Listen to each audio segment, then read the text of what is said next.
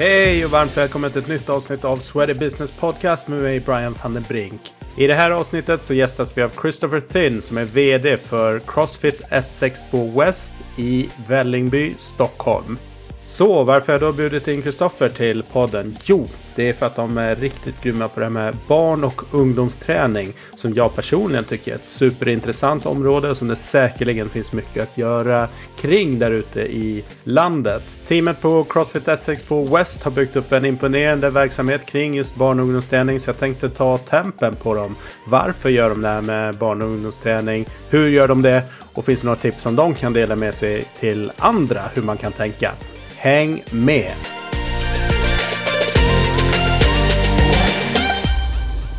Alright, varmt välkomna tillbaks till Sweaty Business Podcast med mig Brian van den Brink och med mig här Christopher Thin. Stämmer. Jajamän. Välkommen. Tack ska du ha. Tackar. Härligt. Ja, vi diskuterade ju här lite grann innan ditt, eh, ditt efternamn. Ja. Men eh, bakgrunden är engelsk, eller är, hur? ja, precis. Jag har engelsk påbrå. Jag har en brittisk pappa och en svensk mamma. Alright. Härligt. Idag ska vi prata om eh, barnträning eh, och Brand X Method som ni Ja. är, eh, vad kan man säga, ambassadör eller liksom Ja, vi, ja, exakt. Vi, vi är en av deras kan man säga, training centers, eller vi, till och med vi är en av deras fyra labs till och med. Så vi är ju, jobbar nära dem och utvecklar verksamheten. Ja men grymt spännande. Vi har ju alltid en eh, liten uppvärmning här så att vi får känna, lära känna dig lite grann. Eh, så att eh, vi börjar med ditt sämsta köp eller investering. Mitt sämsta köp. Ehm, jag köpte för några år sedan så köpte jag, när det började bli populärt med sparkcyklarna, elsparkcyklar, så köpte jag en elsparkcykel med alldeles för svag motor och, och den var rosa, för det var det de hade kvar på lager, den beställde online och den kom hem och, och den var totalt värdelös. Det är den sämsta. Yes. jag, Tror jag. Och ditt bästa då, om man vänder på det? Om man vänder på det, ja. ehm, jag, det bästa köpet, jag har gjort, väl gjort många bra köp, men jag, jag köpte när jag läste på universitetet, i, jag pluggade i USA, och då köpte jag en bil för 700 dollar, en Oldsmobile Cutlass Supreme, och den var, det här var väl 95, 96 och den var från 82, den var rätt sönderrostad. Men den tog mig runt hela New England-området i, i, eh, i tre års tid, två och, en halv, två och ett halvt års tid. Allt från Providence upp till, till Buffalo och hela vägen ner. Jag lånade ut den någon gång ner till Florida och upp igen. Och, så den höll faktiskt hela vägen. Så jag har många trevliga upplevelser med det, med det köpet faktiskt. En bra investering. Fick skrota den till slut, men eh, den gjorde sitt jobb. Jag förstår det. Oldsmobile. Jajamän. Eh, det här gör mig förbannad. Oj. ehm, alltså jag, jag har blivit duktigare på att inte bli arg i onödan, men ehm, om, vi, om vi ska ta så här oviktiga saker, där man inte skru- skruvar på locken på, ja, på, på flaskor hemma i, i kylskåpet till exempel. Det är sånt där små grejer som irriterar mig i onödan. Jag är seglare också, så när man inte, jag, jag är inte sådär pedant av mig, men i segelbåten så vill jag att saker och ting ska stuvas undan ordentligt så det inte liksom ramlar omkull. Och det gör mig arg när man inte gör det till exempel. Yes. Om du skulle få obegränsat med pengar till ett projekt eller ändamål, vad skulle du då göra? Ja. Alltså, jag, jag brinner ju för det som vi ska prata om idag och det är ju barn och ungdomsträning. Så att ehm, det hade varit coolt att kunna jobba ännu mer med det på ett sätt där man faktiskt påverkar egentligen hela branschen på ett annat sätt. Få andra att jobba på liknande sätt när det gäller barn och ungdomar. Det hade varit coolt. På skolor, för kommuner, för andra gym och så vidare. Det hade varit väldigt kul. Spännande. Ja, men vi kommer in på det här. I, det är ju det som är hela ämnet Ja. för podden idag. Så att, eh, men eh, en app som du använder mycket. Um, jag, jag, är, jag kitesurfar så att jag kollar på Windy varje dag. Kollar hur eh, vädret ska se ut framöver, om det är någon speciell dag där är, man kanske behöver boka om något möte eller två för att ge sig ut tidigt på morgonen och, och få in ett par timmar surf. Så Windy är väl den som jag använder ganska ofta faktiskt, när jag, när jag har möjlighet. Yes. Faktiskt. Och ehm, vad skulle du göra om du inte gör det du gör idag? Ja, jag, jag har svårt att tänka mig att jag inte skulle hålla på med det här, men om vi säger så här, det skulle vara kul och, och eller det kommer att bli kul att eh, faktiskt kanske öppna upp fler ställen. Mm. Fler gym och, och, och, eller hjälpa andra att öppna upp fler gym till exempel. Så det, det skulle vara det i så fall. Yes. Um, din favoritträningsform? Crossfit såklart. sen är jag, sen är, jag, jag har hållit på med det här rätt så länge, det är, det är snart 11-12 år då och, och, jag är ju nybliven 50-åring så att eh, jag, jag, kan ju inte träna på samma sätt som jag gjorde för 10 år sedan så att jag lägger in lite annat bara för att jag ska kunna hålla men i grund och botten så är det ju högintensitetsträning och, och uh, lyfta fria vikter som, som, jag tycker är kul. Mm. Här gick det åt helsike. Oj. Um, jag, jag, köpte, jag köpte faktiskt en ny segelbåt nu i, eh, i, i veckan. Det var med min gamla. Jag hade en mindre gammal segelbåt med utombordsmotor tidigare och nu har jag köpt en lite, lite större med inombordsmotor. Och så skulle jag, faktiskt nu i helgen så skulle jag eh, försöka lära mig den här motorn. Och, och själva båten väger 3,5 ton och motorn har bara 9 hästar, så det är lite för lite motor för det här. Så att man, när man ska backa ur båtplatsen så eh, man behöver vara lite aggressiv. Men jag var ju inte det och då tar ju vinden den lite grann åt fel håll. Så jag, ett tag så höll jag på att drifta in i hamnen utan att få någon ordning på det. Men jag fick ordning. Det gick inte åt helsike, men det var på väg åt helsike. Jag vågade inte riktigt ta i, men jag gjorde det till slut så fick jag ordning på det. Ja, kunde ha blivit dyrt. Det hade kunnat bli väldigt dyrt, men det klarade sig bra. Du, ditt bästa tips då för återhämtning? Um, alltså, jag är ju världsmästare på att vara lat, så att uh, jag tycker allt från att uh, koppla bort träningen he helt och hållet. Jag tycker allt man kan göra utomhus i det fria. Mm. Om det, är, om det är att läsa en bok eller bara sola eller om det är att kanske prova på någon annan fysisk aktivitet om man behöver vara aktiv, om man får lite abstinens. Kanske göra någonting som är helt tvärt emot den idrott man håller på med eller den träningen som man brukar utföra. Mm. Men utomhus aktiviteter och, och utforska och experimentera med någonting som man kanske inte har testat förut. Det tycker jag är ett bra sätt att återhämta sig. Om inte annat för hjärnan. Yes. Och sista uppvärmningsfrågan. Eh, en stor fråga, men vi får se. Det blir intressant att se vad du svarar här. Det här behöver träningsbranschen tänka om kring. Oj. Um, jag tror att man behöver, uh, om man tittar på barn och ungdomsträning och då tittar jag även då på, um, eh, på hur klubbar och föreningar jobbar så behöver man låta bli att specialisera sig för tidigt. Man behöver vara bredare i sin träning när man är yngre. Tittar man på branschen, alltså tittar vi på oss som då driver gym och så vidare, så tror jag att um, vi pratade lite grann om det förut, att titta mer på individen och kanske lite mer individanpassade upplägg. Eh, kanske inte så mycket volymbaserat. Man behöver nog bredda sina risker lite grann, tror jag, mm. i branschen.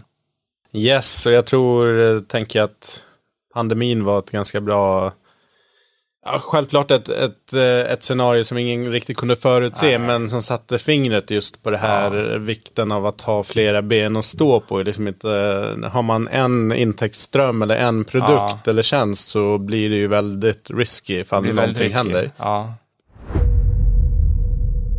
Vi är glada att ha med oss Life Nordic som samarbetspartner till podden den här hösten. Life Nordic, stavas med ett Y, är ett nordiskt distributionsbolag som erbjuder de senaste och vassaste maskinerna inom återhämtning, biohacking och välmående.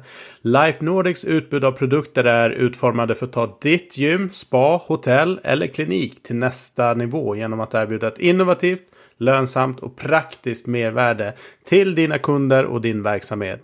Så om du driver ett gym, spa, hotell eller klinik så är det här kanske någonting för dig. Besök lifenordic.com för att utforska alla produkter och begära en offert redan idag. Tack Life Nordic! Ja men eh, härligt du. Ehm, vem är Kristoffer och vilken bakgrund har du? Uh, jag är en uh, nybliven 50-åring nu i sommar som um, född i England, engelsk pappa, svensk mamma. Så att jag delvis uppväxt i England och flyttade till Sverige i början på 80-talet som tioåring. Och um, till västkusten och har bott här i Stockholm sedan 98. Har en bakgrund inom hotell och restaurangbranschen och det var där mina föräldrar var aktiva en gång i tiden. Mm. Ja, men... Så att det, är, det är min bakgrund då. Ja. Yes, det är ju superintressant och ni som lyssnar på den här podden har ju hört mig dra vissa paralleller till hotell och ja, ja ibland restaurangverksamheter också. Att ja. man kanske inte bara ska titta på vad gymmen gör utan det finns faktiskt andra verksamheter ja. som har vissa likheter men också andra saker som man kanske inte gör i träningsbranschen som kanske skulle kunna appliceras. Ja, precis, om inte annat så har man gått igenom olika faser som man kan ta hänsyn till då. Jag menar restaurangbranschen i början och hotellbranschen början på 90-talet, mycket av det som gymmen har fått gå igenom nu under pandemin till exempel. Då. Mm. Det finns mycket att lära från historiken också, från branscherna. Och du, vi sitter ju här på Crossfit 162 West i västra Stockholm i Amen. Vällingby. Ja. Eh, kan du berätta lite grann om, om det? Vi har ju haft din eh, kollega och delägarpartner Per Mattsson har ju varit med i podden. Ja, det stämmer. För, ja, det är nog tre, två eller tre år sedan i alla fall. Ja, just det. Det var väl i samband med Coaches Congress tror jag. Exakt, ja. precis innan pandemin. Jajamän. Um, Per och jag, vi, vi har ju drivit andra gym eh, tidigare eh, och eh, vi träffades, vi kände varandra lite grann innan eh, också då i samband med lite crossfit-tävlingar och så vidare som vi anordnade. Men så gick vi en utbildning tillsammans, eh, vi den utbildningen. Och jag hade hittat den, jag, får, jag bor här i Vällingby och eh, jag hade hittat den här lokalen eh, i samband när jag skulle besikta min bil, för vi har ju bilprovning här bredvid och så var det en stor jäkla skylt på den här enorma byggnaden om att lediga lokaler jag tänkte, där skulle man öppna eh, Crossfit-gym, tänkte jag. Perfekt lag och lokalen. Och så, och, eh, och, och om man hoppar framåt lite grann eh, och så träffades vi på utbildningen så började jag prata om det här med att jag har hittat den här lokalen men jag vill inte öppna upp själv. Det skulle vara kul att göra det tillsammans med någon annan och, och göra en lång historia kort så faktiskt inom ett halvår så, så öppnade vi upp det här stället, Crossfit S62 West. I samarbete då med, det var jag tillsammans då med gänget bakom Crossfit Norrtälje. Just det. Så vi har haft öppet nu i snart sex år. Mm, grymt jobbat. Ja. Vad erbjuder ni för eh, tjänster? Medlemskap, PT? Ja. Vi har ett ganska brett utbud av eh, vad vi kallar för revenue streams. Då. Eh, vi, och det är klart att medlemskap är ju är det största, men inte den enda såklart. Vi har ju barn och ungdomsverksamhet som är omfattande. Vi har väldigt mycket PT. Eh, och eh, vi har också en hel del fysträning för idrottare. Främst ungdomar, så att de två delarna går in i varandra kan man väl säga. Mm. ungdomsträningen och fysträningen. Och sen så har ju vi då och, eh, vad vi kallar för fysiocenter, så vi har lite manuellterapeuter och så vidare som arbetar. Så alla de här revenue streamsen jobbar ju in i varandra. Just det. Ganska utspritt. Ja men bra och Per är ju, han, om man följer honom i sociala medier så pratar han mycket om businessen kring, ja, kring att driva gym och kanske mikrogym i ja. specifikt eh, så och är väl involverad och är mentor inom Two Brain Business. Det stämmer ja. Mm. Jajamän. Vi är väldigt aktiva, eller framförallt Per då, är väldigt aktiv som mentor inom Two Brain och vi är ju eh, som del, vi är flera delägare här, vi är fyra stycken. Eh, vi, vi, har ju tagit mycket hjälp av dem. Mm. Och det är de som har hjälpt. Alltså vi har tagit mycket hjälp överhuvudtaget faktiskt när, när vi öppnar upp det här stället. Eh, och det är det som har gjort att vi har faktiskt klarat det ganska bra. Liksom pandemin och sådär, det är klart att ni förmodligen också har påverkats på ja. olika sätt. För, intressant liksom att för vissa verksamheter, kanske inte just inom gym, gymsektorn eller träningsbranschen, så har det ju varit all time high under pandemin och andra verksamheter och sådär. Så att, eh, men hur har det varit för er egentligen? Ja när det gäller att driva, om man tittar på just att driva verksamheter och, och ehm, vi hade, vi hade en enorma tillväxtperioden i stort sett varje år fram till 2000, slutet av 2020. Så vi klarade ju egentligen kan man säga första halvåret av pandemin väldigt, väldigt bra. Vi hade ju all time high eh, det, det året då. Eh, det som vi lärde oss över tid, vi, vi hela tiden anpassade vår organisation efter tillväxten. Vi anställde människor, vi gjorde investeringar, vi investerade i utbildningar och så vidare. Vi blev ganska duktiga på att göra prognoser på olika sätt och, och så vidare och det var kanske det som egentligen suddades ut under 2021. Det, blev svårt. Det, det, det var svårt att se ett mönster i beteendet under pandemin på grund av att eh, ingen visste vad komma ska mm. pandemin. Alltså, det var ju galet. Ja.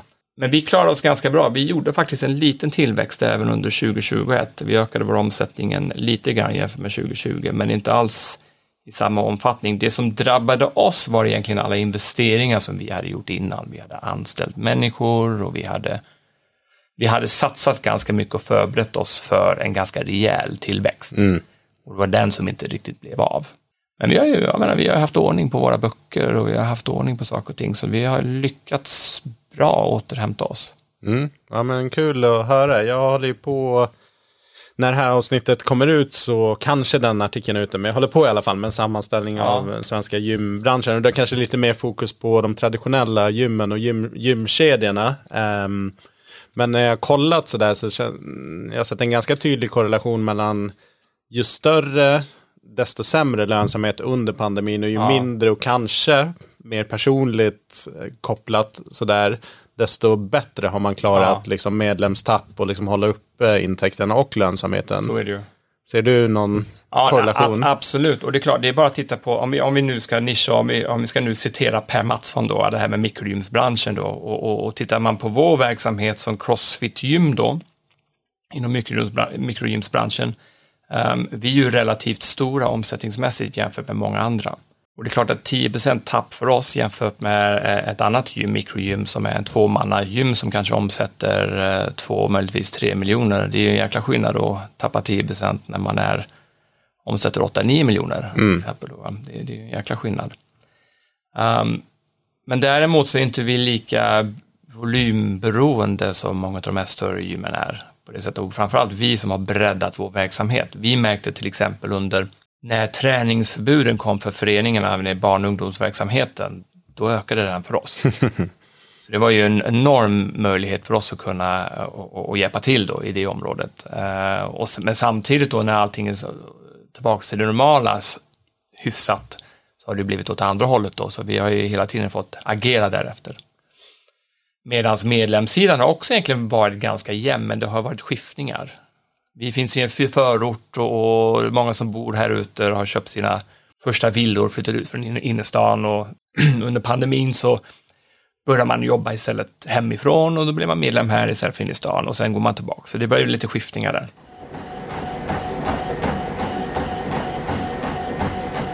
Ja men bra, men då, fasen, då hugger vi in i liksom eh, dagens ämne. Något som ja. Eh, jag tycker är personligen är superintressant. Eh, barn och ungdomar, jätteviktigt såklart nästa generation att sätta ny, bra vanor tidigt, hur viktigt det är. Känner jag själv mm. involverad i, men då i, inom fotbollen som ja. eh, fotbollstränare för min dotters eh, fotbollslag. Ja. Så att, eh, och, ah, mitt perspektiv på det är ju väldigt mycket det här folkhälsoperspektivet kring det. Ja. Att det liksom, I den åldern handlar inte liksom om prestationer, så ser de utvecklas men också sätta vanor, att man man, man gör olika fysiska aktiviteter per vecka. Det är så jäkla viktigt för, för framtiden. Ja, så är det. Men eh, berätta, liksom, hur kom du själv in på det här med barnträning och varför brinner du för att jobba med det? Ja, det, är, det, det är som allting, det är bananskal efter bananskal som man halkar på egentligen. Men jag började med, jag upptäckte crossfit 2010, 2011 där någon gång och eh, gjorde min, e- ja det var min 40-årskris då. Uh, så att säga. Och, och, och, och, och, i parallellt med det här, jag har ju också barn, två döttrar, de är ju stora nu och, um, jag har ju själv, allt, eller jag var själv väldigt aktiv som, uh, som barn. Inte nödvändigtvis enbart idrott, men överhuvudtaget. Jag gillade att göra saker jämt. Mm. Jag älskar att leka, jag älskar att utforska saker, jag älskar att prova på saker och jag älskar att göra farliga saker. och, och um, och på något sätt, det har jag alltid, jag har alltid, när jag har ju fostrat mina barn så har jag alltid relaterat till min egen liksom, bakgrund och, och eh, nästan levt lite grann genom deras ögon om att få, gud vad roligt ni kommer ha och kunna leka med de här grejerna och hålla på med de här idrotterna. Men så kanske inte riktigt verkligheten såg ut. Eh, det, det här är, framförallt här i Stockholm då, där vi bor, utan det, det var inte så mycket lek, utan det var mycket idrott som tog väldigt mycket plats. Ehm, på gott och ont. Mm. Uh, och mina barn höll på med gymnastik och uh, framförallt min yngsta då var med i en förberedande eh, elitgrupp inom AG-gymnastik och uh, jag tycker att de var väldigt duktiga på många sätt. Men någonstans så tyckte jag att man borde kunna bemöta de här barnen på ett annat sätt. Det måste finnas lite mer utrymme för att utforska och experimentera för det var väldigt, väldigt uppstyrt. Mm. Så jag började egentligen sätta mig in i det och, och i träningen och, och, coachningen och gjorde mitt level 1 där 2012 och det var faktiskt enbart för att jag var intresserad av att coacha barn och ungdomar. All right. Det var inte just för att gå in med vuxna. Och sen så småningom kom jag i kontakt med Crossfit Kids och gick deras utbildningar. Sen har det bara utvecklats sen dess då, parallellt med egentligen mina egna barns utveckling. Mm. Men du, jag tänkte så här innan vi går in på det här med Brand X Method som du ska berätta mer om. Jag tänkte så här barnträning, styrketräning för barn, crossfit för barn. Det är ju många liksom röda flaggor som kan ja. dyka upp där i folk som bara, nej de ska absolut inte belasta, de ska inte liksom träna styrketräning och crossfit ja. det är ju superkatastrof liksom. Ja. ja men känner du igen för, fördomarna någonstans? Nu är du inne i crossfit-världen men jag kan tänka mig liksom sådär att man utifrån kanske bara, men vänta nu hur går det här Precis. ihop? Vad är din liksom, eh, take på liksom mergen mellan barn, barn och crossfit och styrketräning? Ja, uh, alltså man, för, först och främst bör man ju definiera vad är styrketräning. Jag tror att det är just de här myterna om att cross, eller crossfit och även styrketräning, om man nu ska skilja dem åt, om man nu vill göra det, mm. så är det det man, bilden man har framför sig, det är, det är tunga stänger och hantlar och man pratar reps och set och, och, eh, och hela den här biten då va. Um, det är inte nödvändigtvis det som behöver vara styrketräning. Det kan man göra på många olika sätt. Om man, om man sammanfattar lite grann när vi, pra, när vi pratar crossfit och barn. Eh, crossfit handlar om textboken för, för förklaringen för vad crossfit är att det är konstant varierande funktionella rörelser som utförs under hög intensitet. För barn och ungdomar, om man ska, då tar man bort hög intensitet. Mm. Eh, det är inte vikterna som är det viktiga, det är inte hastigheten som är viktig. Av den enkla anledningen att de har inte ens möjligheten att uttrycka någon typ av maxstyrka eller, eller power explosivitet. Så, så, det är ganska enkelt egentligen. Eh, det, det är ju rörelsemekaniken eh, som är det viktiga. Det är det som bygger grund. Om man kan röra sig perfekt, och vi pratar alltid perfekt, för det är alltid det som är målsättningen. Det är först då man kan uttrycka någon typ av eh, max i saker och ting och då är crossfiten relevant då, i form av högintensitetsträning. Mm. Och eh, ni är ju en hubb för Brand X Method. Om vi börjar liksom med byggstenen, vad är Brand X ja, Method för någonting? Just det, vi, vi är en av eh, Brand X eh, Training Center och även då numera en av deras labs. Vi är fyra labs i världen. Mm. Vi har ungefär 60 anläggningar eh, som är training center runt om i världen. Och eh, Brand X är en organisation, ett företag som eh, utbildar tränare genom sin, eh, bland annat då deras eh, PYCC-utbildning, alltså Professional Youth Coach Certificate. De som ligger bakom eh, The Brand X Method, det är en familj, ehm, familjen Martins, Jeff och Mickey Martin, som i början på 2000-talet öppnade upp ett gym som hette The Brand X Method, som höll på med kampsport. Och de höll på med just, de, de döpte gymmet till just Brand X i att de specialiserade sig inte i något speciell kampsport utan de tyckte variationen var viktig, mm. korsa gränserna. Och så kom de i sin tur i kontakt då med eh, Crossfit, eh, med, eh, när Crossfit var väldigt ungt, jag tror det fanns kanske två, tre gym. Um, började implementera det här Crossfit-tränandet för, som fysträning för sina um, medlemmar. Mm. Uh, men det fanns ju ingen vuxen som var dum nog att ge sig in på de här jobbiga worksouten, utan det var mest faktiskt ungdomarna som eh, tyckte att det var kul då. Som började var det mest barn och ungdomar som körde Crossfit och eh, de så småningom affilierade sig som Crossfit-anläggning, eh, Crossfit Brand X. Och eh, fick faktiskt i uppdrag utav Crossfit och Greg Glassman att utveckla konceptet Crossfit Kids. All right. Så att det är familjen Martins som tillsammans med sina, eh, Mickey och Jeff, tillsammans med sina söner eh, Keegan och Connor som har eh, egentligen söner som är the original Crossfit Kids då, som senare har då utvecklat själva utbildningen och utbildat coacher världen över mm. i Crossfits namn. Sedan 2014 så är de inte förknippade med Crossfit längre utan de driver verksamheten under varumärket just The Brand X Method. Ja, superhäftigt och de är ju superpassionerade. Jag träffade några utav dem, en kille där bland annat, eh, på Coaches Congress. Ja, det var Keegan ja. Keegan, Keegan, ja. ja. Precis innan eh, pandemin. Och man kände verkligen passionen Ja, för verkligen.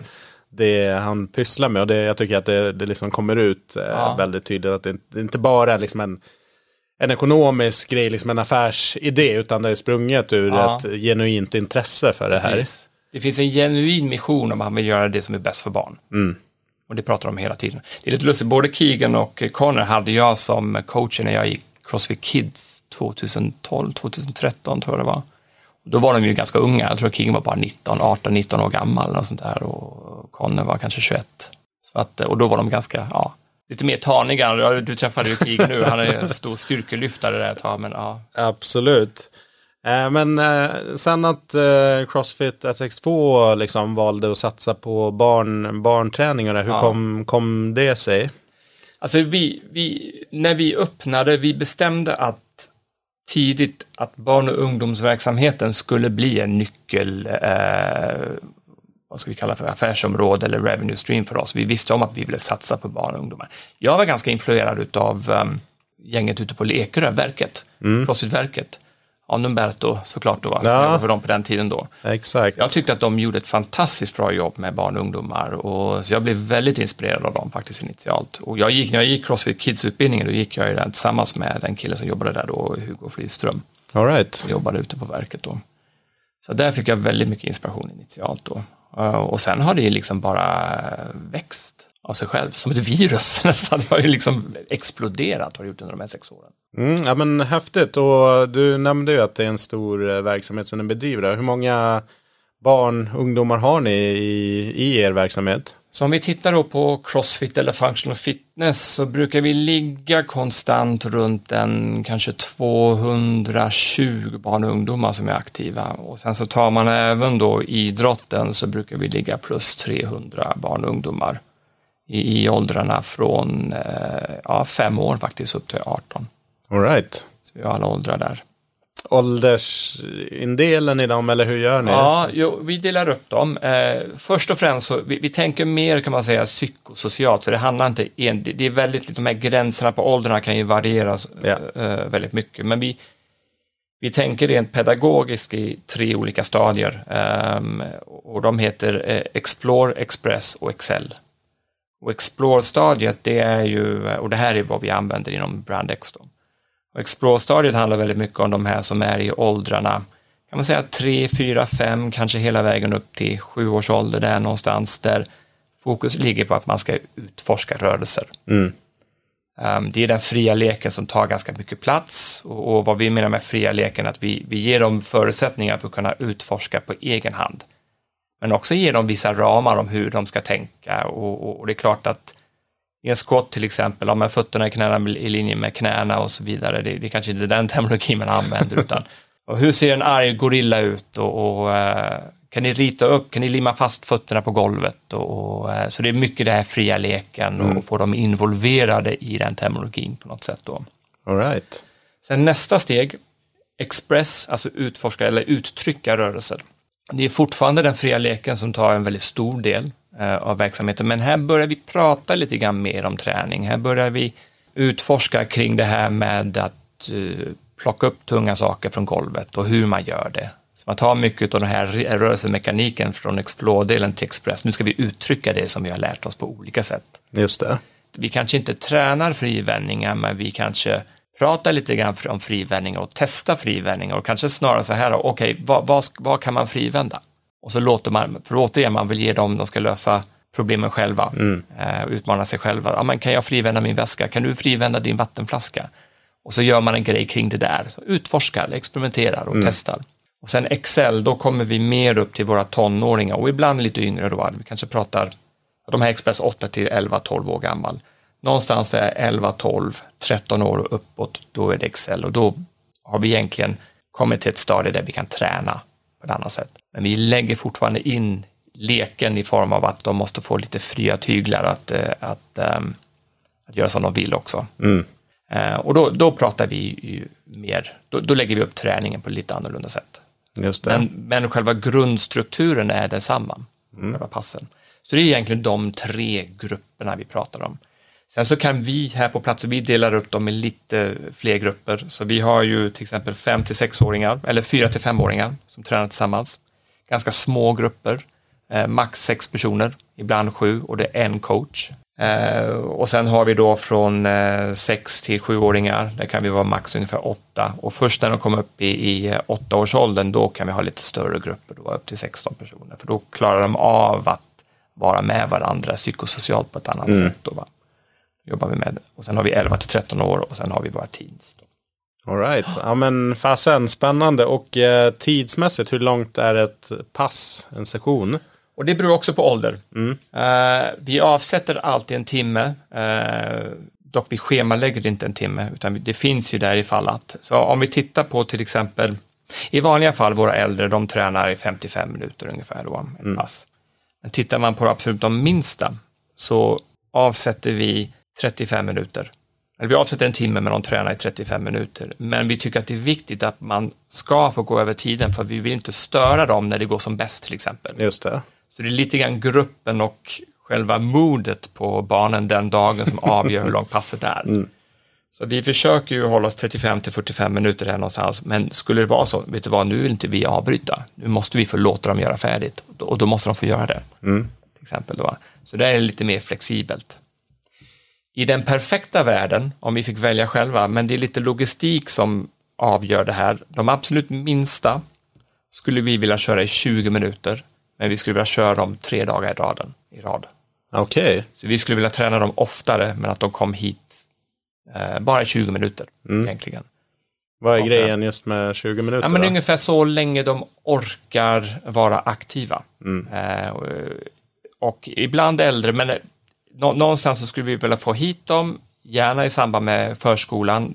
De följer ett program eh, eh, som vi har lagt upp och sen har de möjligheten att stanna kvar och fortsätta att leka i ett annat sammanhang i gymmet efteråt om de behöver leka av sig lite mer. Och sen att det istället att de gör lite mer frekvent. Ja men superintressant för ofta försöker man ju, upplever jag, att man Ja. applicerar lite vuxen, så här gör vi med de vuxna, vi har de här tiderna ungefär och sen applicerar Ja. man någon variant för barnen. Men liksom ur barnens perspektiv, jag som också har tränat knatte, Ja. Knatte fotbollsspelare, nu har ju de blivit lite större men liksom en timmas träning kan ju vara väldigt mycket, framförallt vara mentalt, ja. att Det kan det vara. flyter iväg liksom. Precis, och eh, jag tror säkert att du har varit med om flera gånger att man, herregud, nu måste jag avbryta det här. Ja. Ja, Ja. ibland kan det, vad, vi skulle kunna köra en timme till. Det är, Exakt. ja, det är modet som avgör. Nej men verkligen.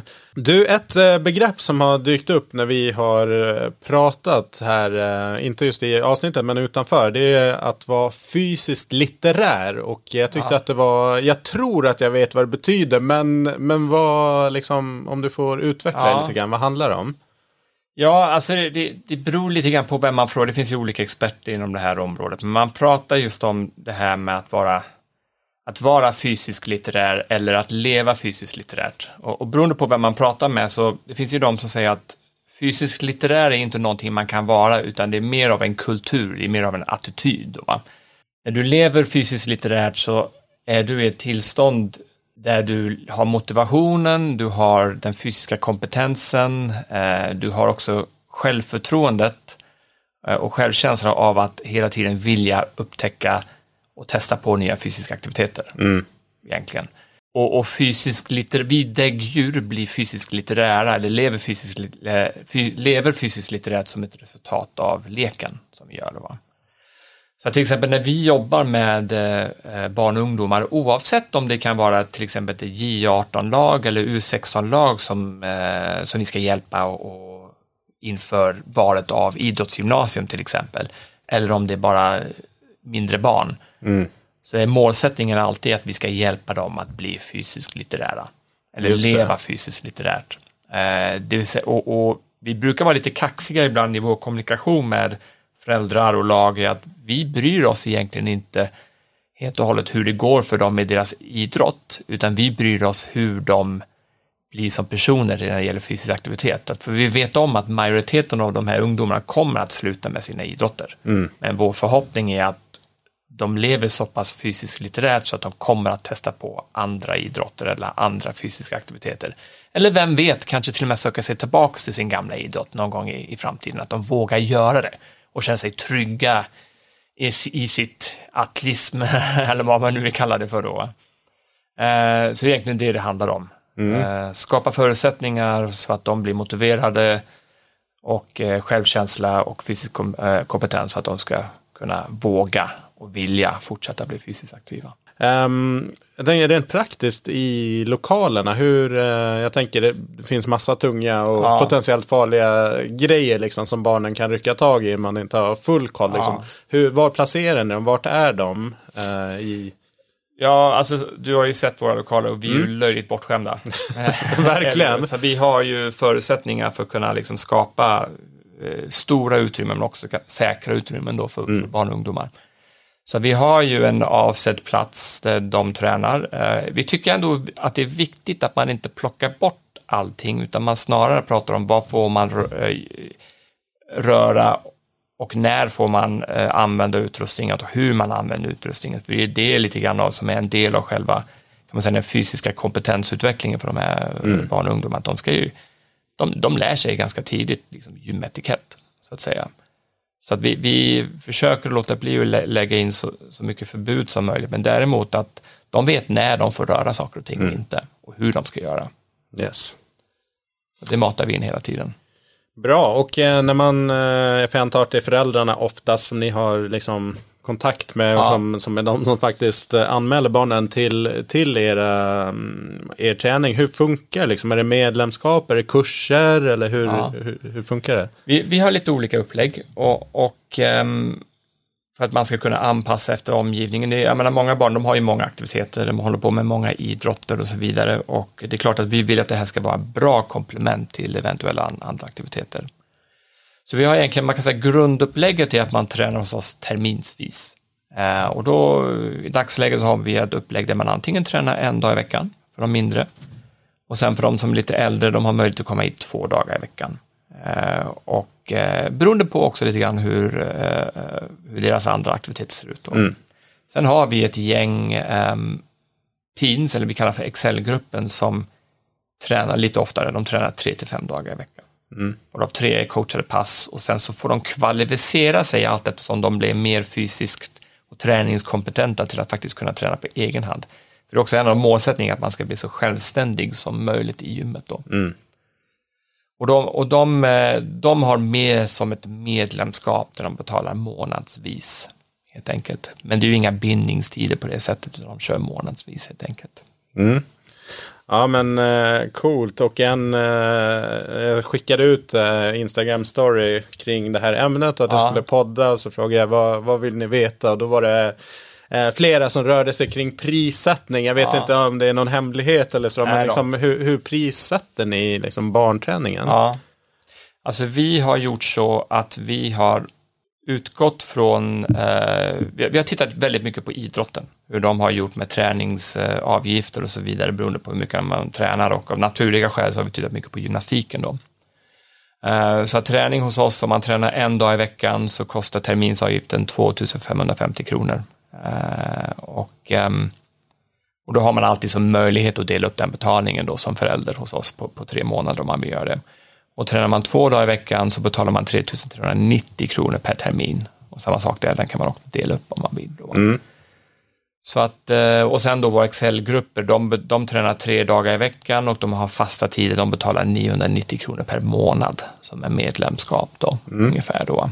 Så lite billigare än våra vuxenmedlemskap, eh, men samtidigt så har de inte tillgång till gymmet just sju dagar i veckan, utan de, de har, ja, och 24 timmar om dygnet, utan det är fasta tider då som kan träna. Mm. Så vi, vi, vi, vi, tycker någonstans att det är viktigt också att um, man måste ju ta betalt för sina tjänster. Uh, man måste ju, för det, det, är ju, man ska utbilda sin personal. Uh, det anser jag kräver mer att coacha barn och ungdomar än vad det gör hos vuxna. Det krävs en liten annan typ av kompetens. Uh, så att man, man, får inte undervärdera den tjänsten helt och hållet. Så att det, det är inte helt olikt som det är med en vuxen till exempel. Nej, nej, jag håller verkligen med och gillar ert, hur ni kommunicerar kring, kring allting.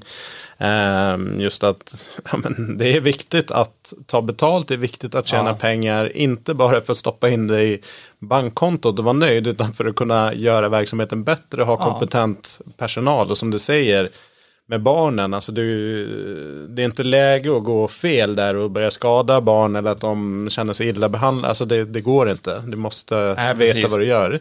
Alltså vi, vi har ju, um, alltså vårt barn och ungdomsprogram är inte en skalning av vår vuxenprogram, utan det har ett helt och hållet eget upplägg. Vi coachar på ett annorlunda sätt.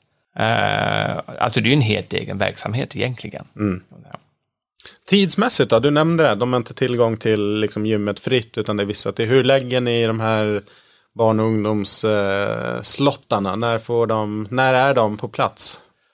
Alltså hur det ser ut för oss? Ja, Ja. Och, det, och det är klart att där är vi ju återigen löjligt bortskämda med lokalerna, så vi har ju möjlighet att schemalägga eh, em, på lite annat sätt.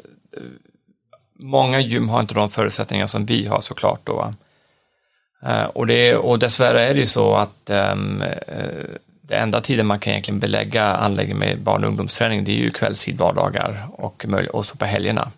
Eh, Dagtid är dessvärre svårt, om man inte möjligtvis har något samarbete med någon typ av skola eller i, idrottsskola innan skolan kan man också göra det. Va? Just det. Så att det är ju egentligen prime time-tiderna som man kör. Det är ju mellan klockan 17 och eh, 19 som vi kör våra kidspass sen har vi viss fysträning fram till klockan 20. Vi försöker undvika senare än så, men ibland så är det svårt med vissa föreningar då, att ge slottar. Men vi, är- vi är väldigt tydliga gentemot våra medlemmar att, att vår barn och ungdomsverksamheten är en kärnverksamhet hos oss och de har lika mycket rätt till träningsgolvet som alla andra. Så det- vi vi är väldigt tydliga i vår kommunikation när det gäller den biten. Ja men det är bra för det är väl lätt att eh, min nidbild eller fördom kanske att Ja. det blir liksom någon sidogrej. Det är ju vi som egentligen betalar för det Ja. här så att ni, ni barn liksom. Ja, och sen är det lätt för oss att säga, vi har ju de vi har den lokalen, men vi har ju fem träningsgolv. I teorin kan vi ha fem klasser Mm. igång samtidigt. Alltså det är ju, enormt, det är ju 1500 kvadrats träningsyta nästan. ja, Så nej, men det är ja, grymt. Ni som inte har varit här, det är ju löjligt stort. Ja. Jag har tagit lite bilder faktiskt på lokalerna så att eh, om ni kollar Instagram-kontot Sweaty Business Media så ligger det där en snurra med lite bilder ifrån eh, den här podcastinspelningen och coolt. från eh, lokalerna så, så förstår ni lite grann. Men hur många coacher har ni som jobbar med barn? Vi har ett rullande schema på fy, fyra veckors rullande schema. Så många av våra coacher som jobbar med barnen, de, de jobbar ju deltid. Eh, De har antingen andra typer av jobb, många gånger är de lärare som jobbar redan med, med barn och Okej. ungdomar på ett annat sätt, eller någon typ av elevassistent. Eh, Eller så coachar de vuxna också hos oss. Eh, Så det är ju ett deltidsjobb för de flesta. Så vi har en, jag tror vi har just nu nio stycken aktiva coacher. Åtta eller nio aktiva coacher på barn och ungdomar. Och då har vi ju verksamhet varje dag. Just Vi har det. klasser varje dag. Vi har lika många barn och ungdomsklasser som de flesta crossfit-gym har vuxna klasser, kan man säga. till och med mer kanske. Så att det är ett rullande schema på, som de jobbar med. På, på gott och ont då, va? det så är det ju. Ja men eh, verkligen. Ja, men det är ju, jag blir jäkligt inspirerad av att höra det här också. Och jag vet ju att ni är också väldigt liksom starka förespråkare för att ge coacherna bra betalt, alltså rimligt betalt. För det är en utmaning i hela branschen. Liksom, Ja. att PT-yrket tyvärr blivit eh, allt mer och mer vad jag tycker ett slit och släng-yrke. Ja. Man går kanske en billig utbildning, inte så mycket investerat tidsmässigt eller ekonomiskt och sen tyvärr ute hos många gym att man kastas ut och så, så här, här varsågod ut och Ja. bearbeta golvet. Liksom, Ja. Att det kan vara den typen av intro. Liksom, hur tänker ni kring att ja, men ha en retention på personalen och liksom kompetensutveckla? Ja, det- har vi ju. Och vi, vi har ju en stor hållbarhetstänk. Och det gäller ju inte bara miljö och, eh, och ekosystem, utan det gäller också organisation. Personal. Vi har en personalstrategi. Vi vill ju vara en bra arbetsplats. Eh, Det är det som håller i längden. Eh, För vi vet, det är tufft. Det, det, det, det är ju en jäkligt tuff bransch eh, på, på många sätt då. Och, ehm, och vi, vi, vill ju, vi har ju som en vision att vi vill ju att det ska finnas en möjlighet att livnära sig på det här om man verkligen vill. Men, men vi, jag tror inte att vi är så naiva i den frågan att vi tror att det kommer lösa sig själv, utan vi är fullt medvetna om att det krävs bra och strukturerat ledarskap. Och det är väl där vi har lagt in väldigt mycket resurser kan man säga. Mm. Och sen är, vi också så naiva och tror att vi kan göra det helt själva heller. Och, och där kommer ju kompetensutvecklingen. Vi, vi utbildar, vi vill ju försöka och uppmuntra våra anställda att, eh, att eh, lägga undan tid för sin egen kompetensutveckling och menar, lyssna på poddar och gå de utbildningar som vi har möjlighet att ge dem. Jag menar, satsningen med Brandex är ju ett exempel. Mm. Eh, sen är, har ju vi väldigt mycket, vi har ju förmånen att faktiskt hosta väldigt många av branschens utbildningar här hos oss. Så vi har ju möjligheten att erbjuda olika typer av upplägg där, utbildningar och så vidare. Så ja, det är viktigt och det är en viktig del av vår personalstrategi. Mm. Det är också viktigt att man skapar, tycker vi, en bra arbetsplats för att då skapar du också ett, ett verkligt värde i själva företaget. Det är ju ingenting som är liksom, det är inga låtsassiffror utan eh, om vi inte betalar ut löner, då är det ju inte en riktig årsbokslut man har egentligen, ett Nej. riktigt resultat, utan det är låtsassiffror egentligen. Mm. Det, det, det, är bara att du inte redovisar vissa, vissa kostnader. Och det, det, har vi varit väldigt noggranna med, vi ägare, att vi, vi vill att det ska finnas ett verkligt värde i det här företaget. Mm. Nej men det, det, det låter ju, det är ju jävligt logiskt liksom och den typen av verksamhet och, som ni, ni är, liksom ett mikrogym, kallar det liksom, mm. att uh, där är det ju mycket kompetens. Det finns ju andra ja. typer av gym som egentligen bara erbjuder lokalen billigt och med utrustning. Ja. In, in och kör vad ja. du vill och du blippar in, det är ingen personal. Så där, där är ju en helt annan typ av verksamhet. Men när du bygger mycket som ni på kompetensen, då är det så här, dels hållbarheten, att okej, okay, är det här ett jobb som, som våra tränare kan, kan göra under lång tid utan liksom ge avkall på för mycket för att ja. är det för dåligt betalt eller liksom villkoren är för dåliga så är det såklart att över tid så kommer någonting annat och, och, och komma in. De kanske får barn eller någonting omständigheter som gör att man inte kan ja. utöva yrket längre och det är en stor utmaning generellt sett med PT-yrket. Så är det ju. Och, och, och, det vet ju du bättre än jag om det här med omsättning av personal i många av företagen. Och jag, och jag tror så här att det, det, är svårt att undvika. Eh, det, det, kommer alltid vara hyfsat hög omsättning på personal i sådana yrken. Och, och ja, där drar jag ju mycket paralleller från hotell och restaurangbranschen. Eh, men vad man kan göra som arbetsgivare är att man kan faktiskt kanske kontrollera den omsättningen på olika sätt.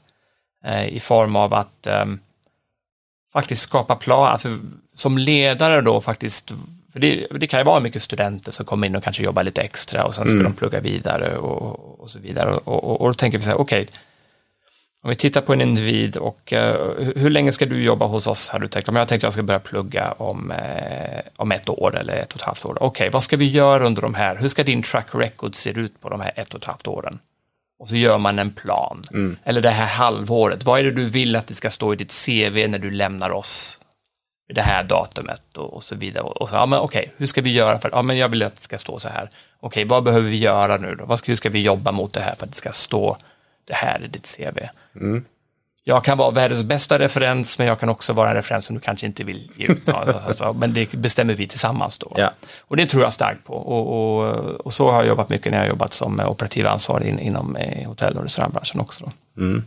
Ja, men det är superbra där, återigen, liksom att det pekar på att ni har inte alltid egen kommer att inse att liksom, vi behöver ja. hjälp, vi behöver ta in, men också att du till exempel då kommer in med erfarenhet från annan verksamhet och hur man jobbar med de här ja. typen av frågor. För att återigen, det är nog mer regel än undantag att liksom, ja, man blir anställd, man får någon arbetsbeskrivning och sen ut och kör liksom. Kör, eh, men hur ska vi ta oss dit? Vad är målet ja. liksom? Någonstans en kravställan också att, och att en buy-in från den, den anställda. Att ja. men fan, det är det här vi ska göra. Och då kan man också konkret gå tillbaka till det. Så här, bara, men vänta, vi sa ju att vi skulle uppnå Precis. det här. Vad hände? Exakt. Och sen är man i en bransch där man många gånger har personal som jobbar extra. Det vill säga att det är inte huvudinkomstkällan, mm. många som jobbar här. Och det är klart att det kommer aldrig vara första prioritet. Uh, och, och då försöker vi använda det i vår ledarskap. Då, ja, men du som jobbar extra här, vill du att det ska stå i ditt CV, ja men jag jobbade extra och coachade barnklasser de här och de här åldrarna. Eller ska det stå, jag var med och utvecklade Brandex Stockholm där vi gick från det här till det här och jag lärde mig detta, detta och detta. Mm. Och, och, och, Ja. ja. så man får ta kontroll istället för bara liksom släppa Yes. och, och se det som ett problem att man har en omsättning på personalen. En kontrollerad omsättning av personalen tycker jag är viktigt att man inför. Mm. Ja, men exakt, det är ju en, eh, en business som man får räkna med, med en, en relativt hög omsättning. Så, där, så att jag gillar det där tänket med att verkligen planera för det, liksom ha, ha koll på det. Och kanske också ett yrke som är lite så här, det passar in bättre och sämre beroende på livssituation också. Så att folk kan faktiskt återvända in i yrket på olika sätt Exakt. eller i en helt annan roll längre fram också. Ja, absolut. Um, vad tänker du så här fallgropar kring barn och ungdomsträning, företag, PTs, whatever som har tänkt sig ge sig in på det? Vad ser du, varför får man kanske inte till det? Eller vad kan vara för dig lite så här varningsflagg att mm, har ni koll på verkligen vad ni, vad ni pysslar med här? Ja. Jag, jag tror att en av fallgroparna är att det som jag ser är att um, många anlägg, anläggningar som startar upp någon typ av barnprogram är att oftast är det ju påtryckningar från föräldrar som är medlemmar. Jag vill att mitt barn ska köra crossfit till exempel. Eh, att man någonstans ins, förstår att man kan inte ta ett vuxet program och skala den för barn. Man kan inte köra workouts och, och eh, köra fran för ungdomar eller barn och, och, och ha som målsättning att de ska ligga på golvet och göra svettänglar. Liksom. Det, och det ser jag att det är, även om det är mognat väldigt mycket, så det tror jag är en av problematikerna. Man tror att det är crossfit rent ut som de ska köra egentligen. Nummer två, så tror jag att ska man starta upp, eh, jobba med barn och ungdomsverksamhet, så tror jag att man, man ska behandla det som om det vore en key business, en, en, en, en- en del av kärnverksamheten. Man ska ha ett genomtänkt program eh, och så bör man ta hjälp i form av utbildning. All right. Och vad skulle du säga rent coachingmässigt? Vad skiljer liksom barn och ungdomar kontra att träna en vuxen? Vad kan det finnas för skillnader där? Alltså jag brukar säga att barn är mycket mognare än vad vuxna är. Så det, så det är mycket lättare på, på vissa sätt. Ehm, det, den, den stora skillnaden, och det, det beror ju också på vilka åldrar, uh, såklart då. Ehm, när det gäller absolut de minsta så måste man ju som coach vara beredd på att du kommer behöva ändra ditt program. Det är modet som styr. Det som du har inplanerat eller det som står i programmeringen, den kommer du förmodligen behöva ändra många gånger. Eh, och så är det såklart. När det gäller när man kommer upp i åldrarna, så när man kommer upp i 8, 9, 10 års åldern där, när de börjar bli medvetna om sin omgivning, ungdomarna, de tittar på vad de andra gör och okej, helt plötsligt börjar de tänka, "Åh, hoppas inte jag gör fel. Då, va? För när man är yngre så tänker man, man bara Nej. kör. Eh, då måste man ta med det i sin pedagogik till exempel. Och, och ehm, ett yppligt bra sätt att göra det, det är att faktiskt använda dem som de ungdomar och barnen du har i gruppen. De som rör sig bäst, de ska du använda i din eh, em, pedagogik och när du visar olika typer av rörelser. om det Marklyft med kettlebell, sumo marklyft med kettlebell till exempel. Använd de som rör sig bäst. För de, det finns ingen unge som vill titta på mig när jag kör ett marklyft. Det är ju, de vill kolla på kompisarna och då kollar de ju alltid på de som rör sig bäst. Men jag vill bli lika duktig som henne eller som honom, eh, helt enkelt. Så att man tänker så lite grann. Eh, Det är viktigt. När man kommer upp i åldrarna ytterligare, man kommer upp till tidsen, helt plötsligt så har vi stora tillväxtperioder. Jag menar, det är inte ovanligt att vi kan eh, avsluta en teensgrupp här i, i juni, sen kommer de tillbaks i, i augusti så har de växt 20 centimeter och kan knappt sätta sig på en stol utan att ramla omkull. Då, va? Eh, och, och, och med det kan också ske under veckovisa eh, intervaller också mitt i en termin, en till två veckor så kan man växa ganska mycket. Och där är det också viktigt att man hela tiden skannar av eh, sin grupp. Eh, för det händer saker och ting hela tiden. Man kan inte utgå att man kan ha en rak progression till exempel i programmering, utan ibland, många gånger behöver man backa bandet. Och det här måste man också förklara för ungdomar, att det här kommer hända, du kommer att växa. Du måste, och det är en del att vi vill att de ska vara fysiskt kompetenta och insatta i sin egen träning, att de förstår att, vet du vad, du, ibland, du kommer inte kunna göra en höftfällning om du växer 20 centimeter, utan du kommer behöva backa bandet ibland. Och det där handlar väldigt mycket om trygghet. Mm. Man kan skapa den eh, atmosfären att det är okej okay att misslyckas. Lika. Så det, det, det, det är kanske den tredje viktiga grejen man får tänka på när man startar upp, att du måste fokusera på att du skapar en trygghet. Man känner sig trygg och sedd när man kommer till anläggningen och ska träna. Mm. För då kan, för gör man det, då kan man ha en rak, för det går inte att lura barn och ungdomar. Man kan inte låtsas berömma, man kan inte, man måste vara väldigt ärlig i sin kommunikation. Mm. Man kan inte stå och titta på någon som gör marklyft och så ser man lite sådär klurig nu, kliar mig i hakan så här, mm, ja men det där var bra. Men, och så, vadå, varför kliar du dig på hakan? Mm. Det, uppenbarligen var det någonting som inte var bra. Berätta för mig. Exakt. man måste vara väldigt rak och väldigt tydlig och, och hela tiden följa upp.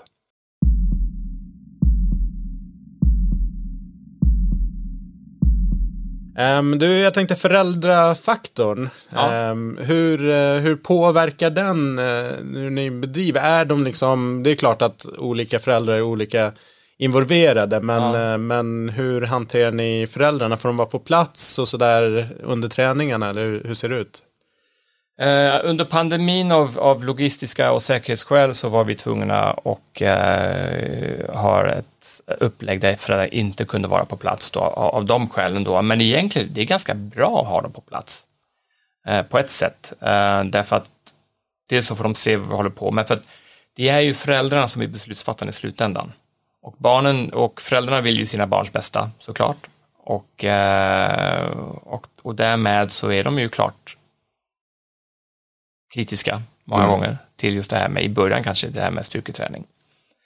Så för oss är det jättebra ibland om de är på plats och helst framförallt om de ställer frågor.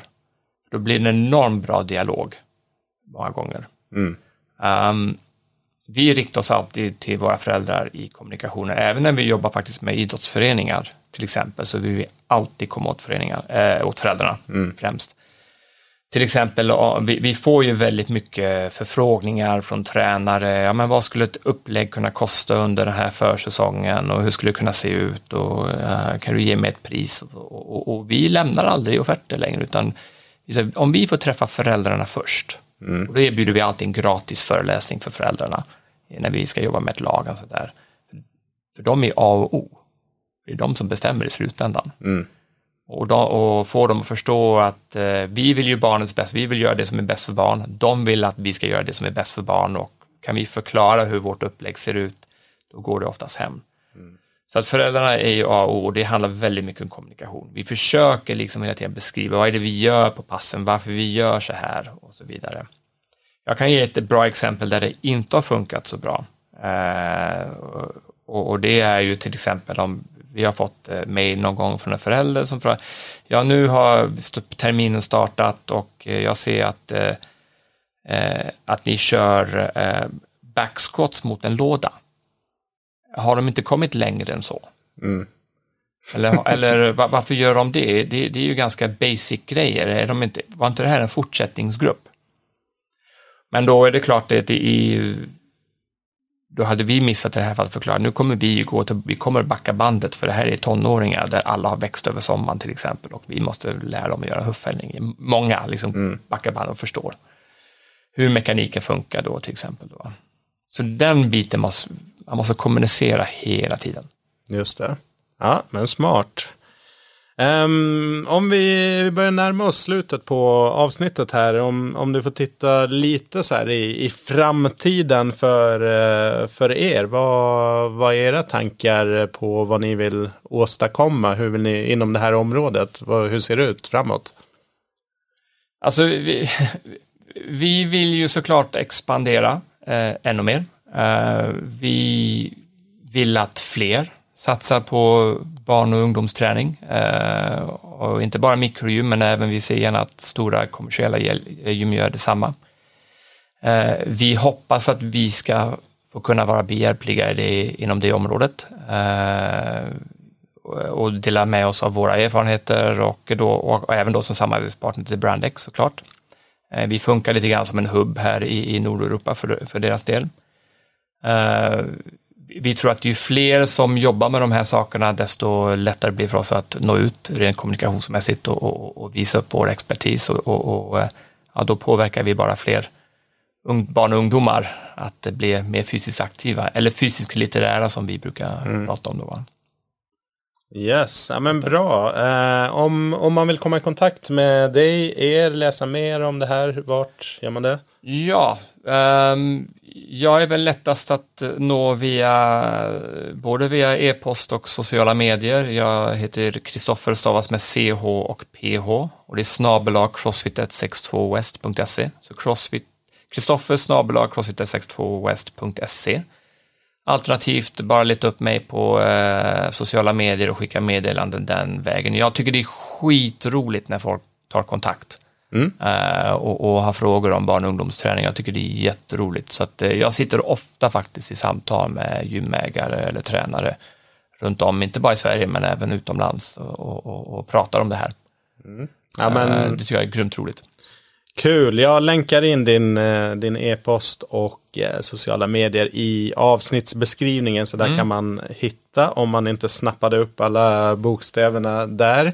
Eh, men jag tänker också så här ur ett affärsmässigt perspektiv också att gym, eh, gym träningsbranschen har varit ganska liksom eh, laserfokus på ja. en viss målgrupp och alla är på dem. De är ju någonstans 25 till 45 ja. där majoriteten är.